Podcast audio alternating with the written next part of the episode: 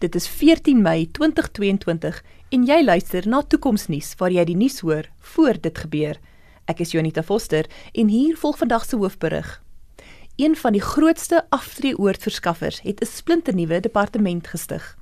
Tydens 'n glansgeleentheid gisteraand het meneer Ben Jarden, die hoof van die maatskappy, verduidelik dat die departement gaan fokus op die verskaffing van aftreesorg in die gemak van jou eie huis. Meneer Jarden het in sy toespraak gesê dat die nuwe departement op die been gebring is as gevolg van die geweldige tekort aan gesondheidswerkers wat deur die groeiende bejaarde bevolking benodig word. Die nuwe departement gaan beman word deur 'n span gesondheidswerkers wat spesiaal opgelei is om die gesondheid van hul kliënte met behulp van tegnologie te moniteer.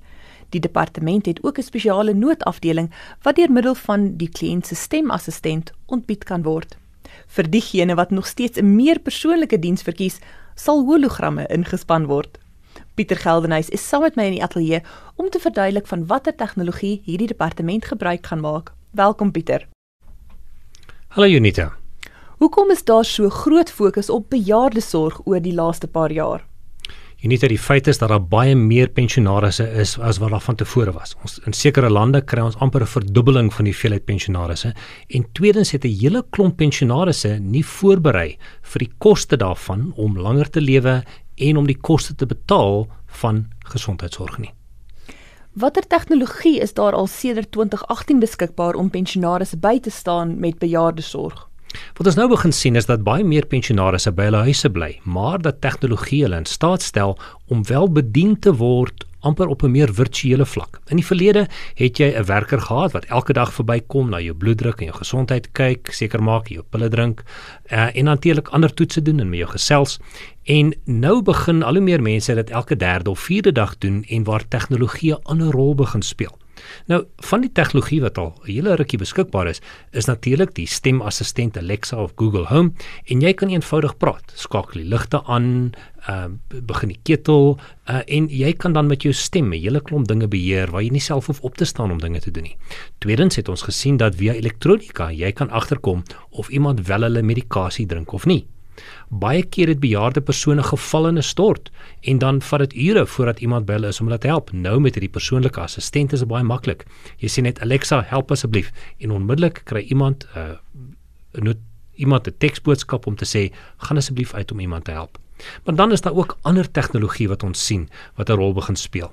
Jy kry elektroniese horlosies wat jy dra en nie net moniteer dit jou hartklop nie maar ook jou bloeddruk. So oor 'n afstand kan jy nou dat die kritiese gesondheidselemente begin kyk van 'n individu. En dis van die tegnologie wat al vir 'n hele rukkie beskikbaar is. Ek neem dan aan die die hologramme is relatief nuut. Watter rol gaan dit speel? Wat is 'n hologram? Watter rol gaan dit speel? Hoekom gebruik hierdie departement hologramme?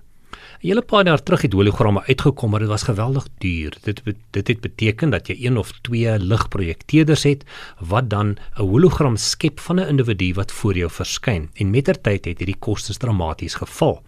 Wat dit beteken is dat individue hierdie tegnologie kan implementeer en dan kan die gesondheidswerker op 'n normale tyd afspraak maak en dan verskyn voor 'n individu die gesondheidswerker sien dan 'n video materiaal maar die hologram verskyn voor die bejaarde en jy kan 'n gesprek hê vir 10 of 15 minute. Jy kan kontak maak met die persoon en dan seker maak dat nie net na die elemente gekyk word van gesondheidsorg wat te doen het met die gesondheid nie maar ook in terme van die geestesgesondheid van die bejaarde Watter ander moontlike toepassings is daar vir vir die hologram tegnologie? 'n Hele paar jaar terug hier in 2018 het ek al begin poker speel op die virtuele realiteit helms. En dit beteken ek sit die virtuele realiteit helm op en vyf of ses ander mense van ander plekke in die wêreld kom rondom 'n pokertafel en jy speel poker vir 2 of 3 ure per aand.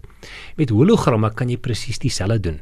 Jy kan 'n paar ander mense, ander bejaardes kry om dan ewe skielik te verskyn in 'n geselsgroepie en jy kan heerlik gesels met ander bejaardes terwyl hulle rustig by hulle huise sit en in kontak kom met van hulle vriende. Dankie Pieter. Meneer Jarden het ook in sy toespraak genoem dat hy vol vertroue is dat hierdie nuwe manier van bejaardesorg baie gesog gaan wees aangesien hulle navorsing bewys het dat afgetredenes vir 'n hele ruk lank al van hologramme en virtuele realiteit gebruik maak om kuierklips en brugaande te hou. Dit was Pieter Geldenhuys en Jonita Foster vir Toekomsnuus waar ons die moontlikhede van die toekoms ondersoek. Vir meer inligting oor die tegnologiese onderbou van hierdie en vorige episode, volg gerus die Toekomsnuus Facebookblad.